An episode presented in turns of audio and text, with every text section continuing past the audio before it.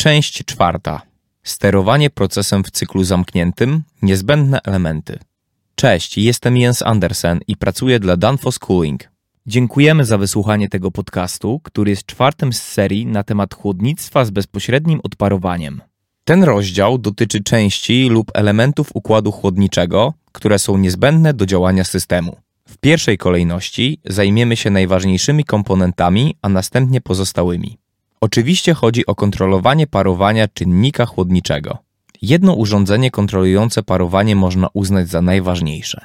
Jest to zawór rozprężny. A raczej należy powiedzieć urządzenie rozprężne, ponieważ może być to rurka o małej średnicy, kapilara, tak jak było to wyjaśnione we wcześniejszym rozdziale. Zawór rozprężny służy do zmniejszenia ciśnienia z wlotu zaworu do wylotu, dzięki czemu będziesz mieć wysokie ciśnienie na wlocie i niskie ciśnienie na wylocie. Ale zwykle zawór kontroluje również przegrzanie. Przegrzanie to ciepło dodawane do odparowanego czynnika chłodniczego po jego odparowaniu. Jeśli ponownie porównamy z wodą, będzie to dodatkowe ciepło dodane do pary. Na przykład temperatura pary może wynosić 110 stopni Celsjusza, więc przegrzanie wynosi 10 stopni Celsjusza, a raczej 10 K, jak 10 Kelvinów. W układzie SI różnice temperatur podawane są w stopniach Kelwina, więc przegrzanie jest różnicą od rzeczywistej temperatury parowania do temperatury przegrzanej pary. Zawór rozprężny otworzy się bardziej, jeśli przegrzanie stanie się zbyt wysokie i zamknie się, jeśli przegrzanie stanie się zbyt niskie. W mechanicznym zaworze rozprężnym, tak zwanym termostatycznym zaworze rozprężnym, przegrzanie zwykle można ustawić za pomocą śruby regulacyjnej, po to, aby zapewnić wystarczające przegrzanie, uniknąć dostania się ciekłego czynnika chłodniczego do sprężarki i wystarczająco niskie, aby wykorzystać parownik w celu uzyskania największej wydajności. Zawór rozprężny może być również sterowany elektronicznie, co oznacza, że zawór otwiera się i zamyka w zależności od sygnałów z czujników. Zwykle czujników ciśnienia i temperatury na wylocie z parownika, temperatury na wlocie oraz temperatur ochłodzonego medium. Najczęściej jest to powietrze przepływające przez parownik. Kontrola odparowania to jedno, ale oczywiście kontrola ciśnienia w układzie chłodniczym jest absolutnie niezbędna. Aby móc kontrolować proces parowania, konieczne jest, aby system był wyposażony w sprężarkę. Sprężarka spręża odparowany czynnik chłodniczy do wysokiego ciśnienia wymaganego do jego skraplania. Sprężarka może być różnego typu, w zależności od systemu, z którym pracujemy, czy jest mały czy duży, czy jest to domowa lodówka, czy jest to chłodnia dla tysięcy ton mrożonych produktów. Najprostszym typem jest prawdopodobnie sprężarka tłokowa, która współpracuje z tłokiem, zaworami i odpowiednim silnikiem elektrycznym. Jest to typowa sprężarka, która znajduje się w lodówce w domu. To ten hałaśliwy, najprawdopodobniej okrągły, czarny przedmiot z tyłu lodówki.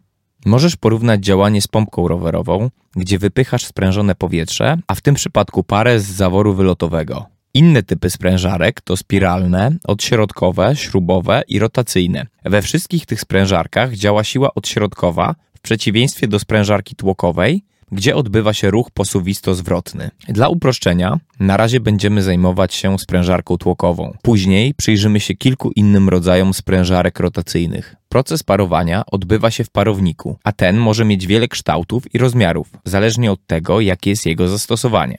Zazwyczaj parowanie odbywa się stopniowo w długiej rurce, którą można kilkukrotnie zagiąć, aby uzyskać powierzchnię tak dużą, jak to możliwe, przygotowaną na kontakt z tym, co ma być chłodzone. Może to być powietrze, ale może to być również solanka albo glikol. Chodzi o to, aby odparowanie przebiegało w całej długości rurki, dokładnie tak, że na końcu rurki nie pozostaje płyn, a jednocześnie wykorzysta się całą długość rurki do procesu parowania. Jest to mniej więcej tak samo, ale z procesem odwrotnym, który ma miejsce w skraplaczu. Skraplacz również może być chłodzony powietrzem lub wodą.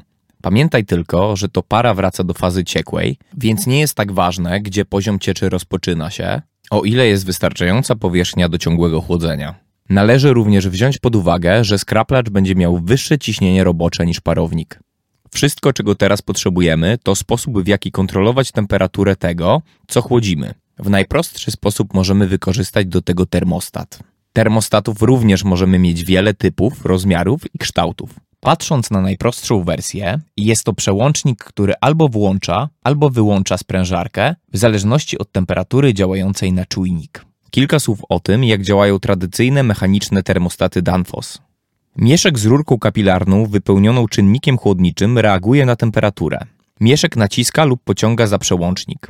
Pamiętaj, że im wyższa temperatura, tym bardziej czynnik chłodniczy odparowuje, a tym samym popycha mieszek. Więc wystarczy ustawić przełącznik, aby włączyć sprężarkę w najwyższej tolerowanej temperaturze i ponownie wyłączyć w najniższej. Stara domowa lodówka zwykle włącza się w temperaturze 6 stopni Celsjusza i wyłącza ponownie w temperaturze około 2 do 3 stopni Celsjusza. Możesz to jednak zmienić, obracając pokrętło w lodówce. Mamy teraz w pełni funkcjonalny system chłodzenia ze wszystkimi niezbędnymi komponentami. Niezwykle prosty, ale będzie działał na małą skalę. Ten podcast został przygotowany przez Danfoss Cooling. Zapraszamy do odwiedzenia nas na stronie danfoss.pl. Na pewno znajdziesz tam coś dla siebie wśród wielu przydatnych narzędzi i aplikacji chłodniczych.